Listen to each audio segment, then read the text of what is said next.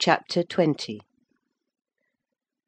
To obviate the danger of this threat being fulfilled, Mr. Linton commissioned me to take the boy home early, on Catherine's pony; and, said he, "as we shall now have no influence over his destiny, good or bad, you must say nothing of where he has gone to my daughter.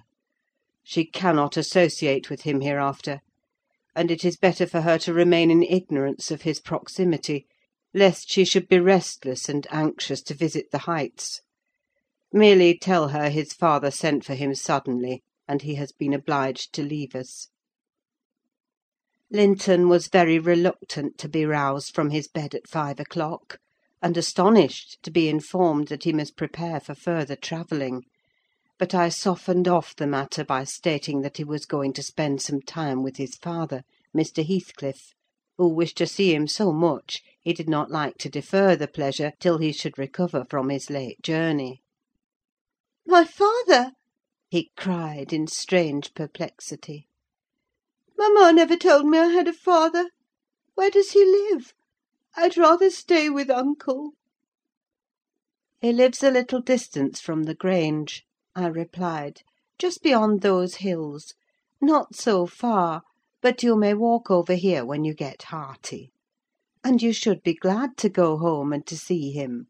You must try to love him as you did your mother, and then he will love you."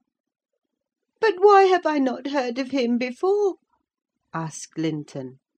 "Why didn't mamma and he live together, as other people do?" "He had business to keep him in the north," I answered; "and your mother's health required her to reside in the south."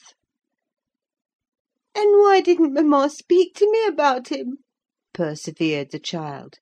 "She often talked of uncle, and I learnt to love him long ago. How am I to love papa? I don't know him." "Oh, all children love their parents," I said. "Your mother, perhaps, thought you would want to be with him, if she mentioned him often to you. Let us make haste: an early ride on such a beautiful morning is much preferable to an hour's more sleep." "Is she to go with us?" he demanded. "The little girl I saw yesterday?"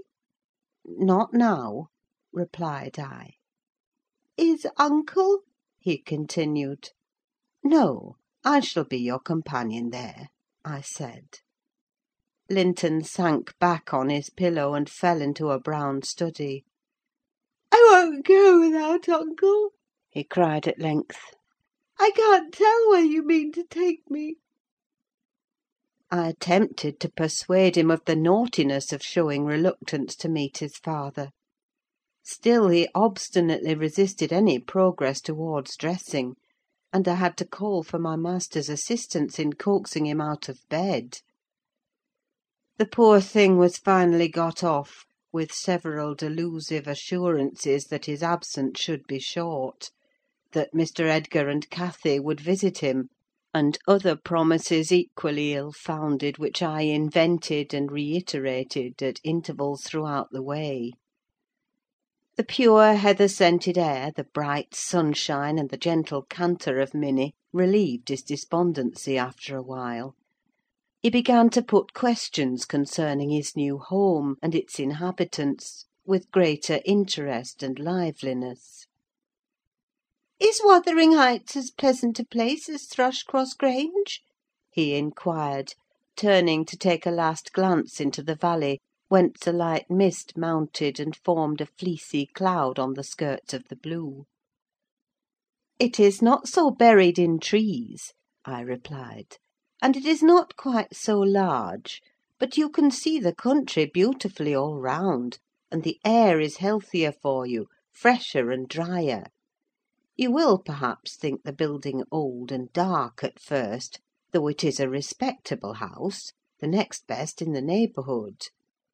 And you will have such nice rambles on the moors. Hareton Earnshaw, that is Miss Cathy's other cousin, and so yours in a manner, will show you all the sweetest spots; and you can bring a book in fine weather, and make a green hollow your study; and now and then your uncle may join you in a walk: He does frequently walk out on the hills." "And what is my father like?" he asked. "Is he as young and handsome as uncle?" "He's as young," said I; "but he has black hair and eyes, and looks sterner; and he is taller and bigger altogether.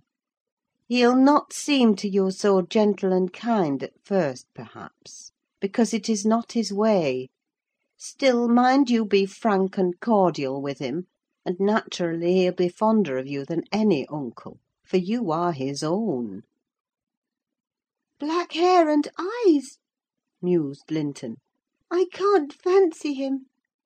Then I am not like him, am I?" "Not much," I answered. Not a morsel, I thought, surveying with regret the white complexion and slim frame of my companion, and his large languid eyes—his mother's eyes, save that, unless a morbid touchiness kindled them a moment, they had not a vestige of her sparkling spirit. "How strange that he should never come to see mamma and me!" he murmured. "Has he ever seen me? If he has, I must have been a baby: I remember not a single thing about him." "Why, Master Linton," said I, "three hundred miles is a great distance; and ten years seem very different in length to a grown up person, compared with what they do to you.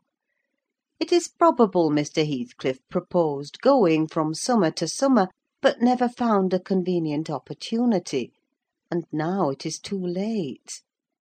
Don't trouble him with questions on the subject: it will disturb him for no good." The boy was fully occupied with his own cogitations for the remainder of the ride, till we halted before the farmhouse garden gate.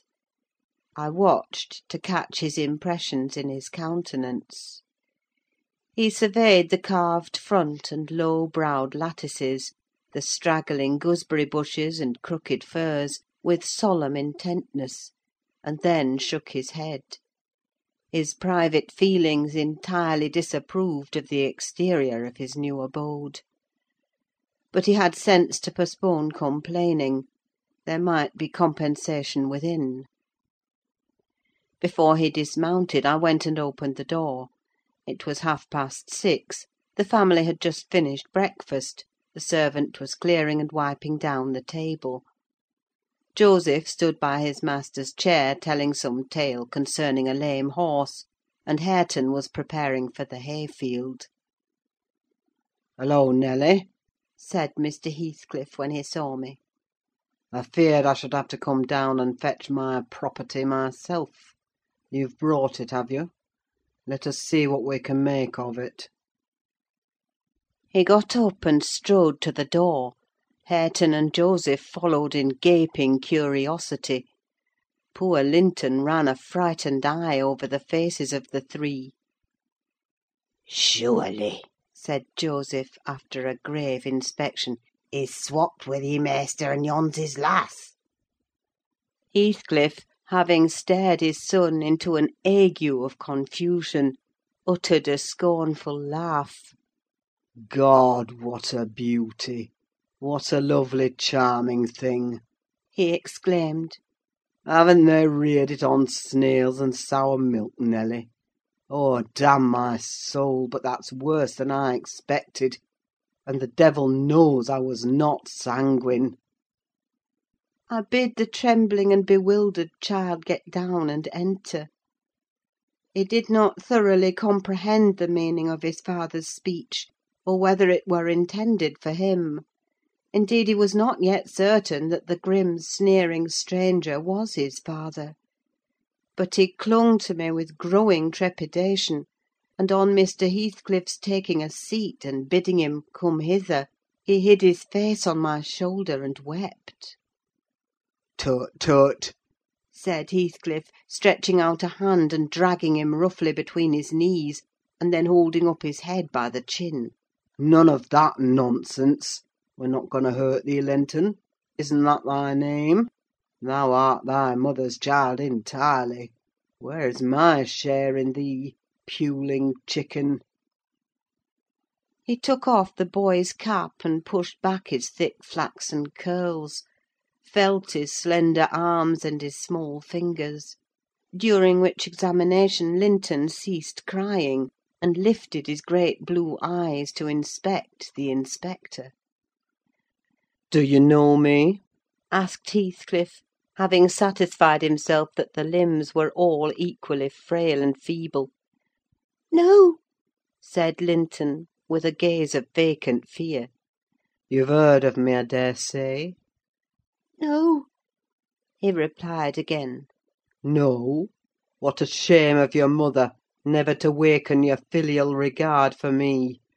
You are my son, then, I'll tell you; and your mother was a wicked slut to leave you in ignorance of the sort of father you possessed. Now, don't wince and colour up; though it is something to see you have not white blood. Be a good lad, and I'll do for you. Nelly, if you be tired, you may sit down; if not, get home again. I guess you'll report what you hear and see to the cypher at the Grange, and this thing won't be settled while you linger about it." "Well," replied I, "I hope you'll be kind to the boy, Mr. Heathcliff, or you'll not keep him long; and he's all you have akin in the wide world, that you will ever know, remember." "I'll be very kind to him, you needn't fear," he said, laughing. Only nobody else must be kind to him: I'm jealous of monopolising his affection. And to begin my kindness, Joseph, bring the lad some breakfast. Hareton, you infernal calf, begone to your work.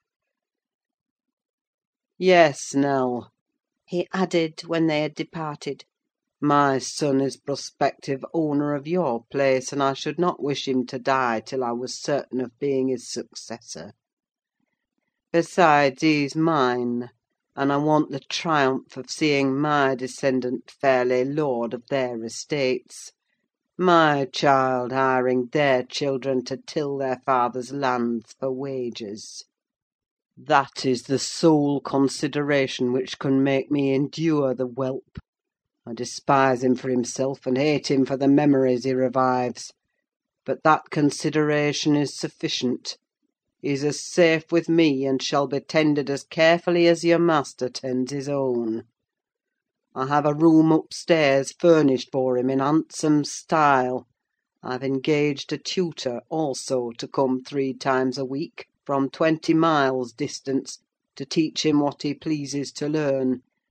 I've ordered Hareton to obey him; and, in fact, I've arranged everything with a view to preserve the superior and the gentleman in him above his associates.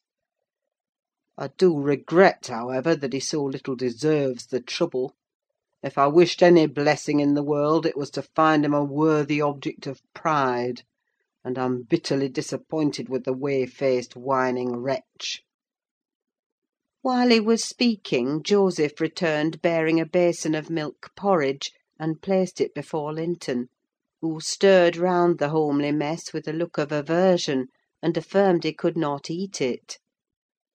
I saw the old manservant shared largely in his master's scorn of the child, though he was compelled to retain the sentiment in his heart, because Heathcliff plainly meant his underlings to hold him in honour. "Cannot ate it!" repeated he, peering in Linton's face, and subduing his voice to a whisper, for fear of being overheard. But Maister Hareton niver ate nought else, when he were a little un; and what were good enough for him's good enough for ye, I'se rayther think." "I shan't eat it!" answered Linton, snappishly. "Take it away!" Joseph snatched up the food indignantly, and brought it to us. "Is there aught ails the victuals?" he asked, thrusting the tray under Heathcliff's nose. "What should ail them?" he said. "Why," answered Joseph, "yon dainty chap says he cannot ate them; but I guess it's raight: his mother were just so: we were a'most too muckit soaked corn for macking her breed."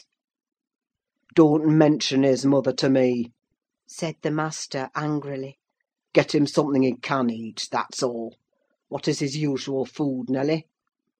I suggested boiled milk or tea, and the housekeeper received instructions to prepare some. Come, I reflected, his father's selfishness may contribute to his comfort: he perceives his delicate constitution, and the necessity of treating him tolerably. I'll console Mr. Edgar by acquainting him with the turn Heathcliff's humour has taken. Having no excuse for lingering longer, I slipped out, while Linton was engaged in timidly rebuffing the advances of a friendly sheep dog. But he was too much on the alert to be cheated: as I closed the door I heard a cry, and a frantic repetition of the words, "Don't leave me! I'll not stay here! I'll not stay here!" Then the latch was raised and fell: they did not suffer him to come forth. I mounted Minny, and urged her to a trot; and so my brief guardianship ended.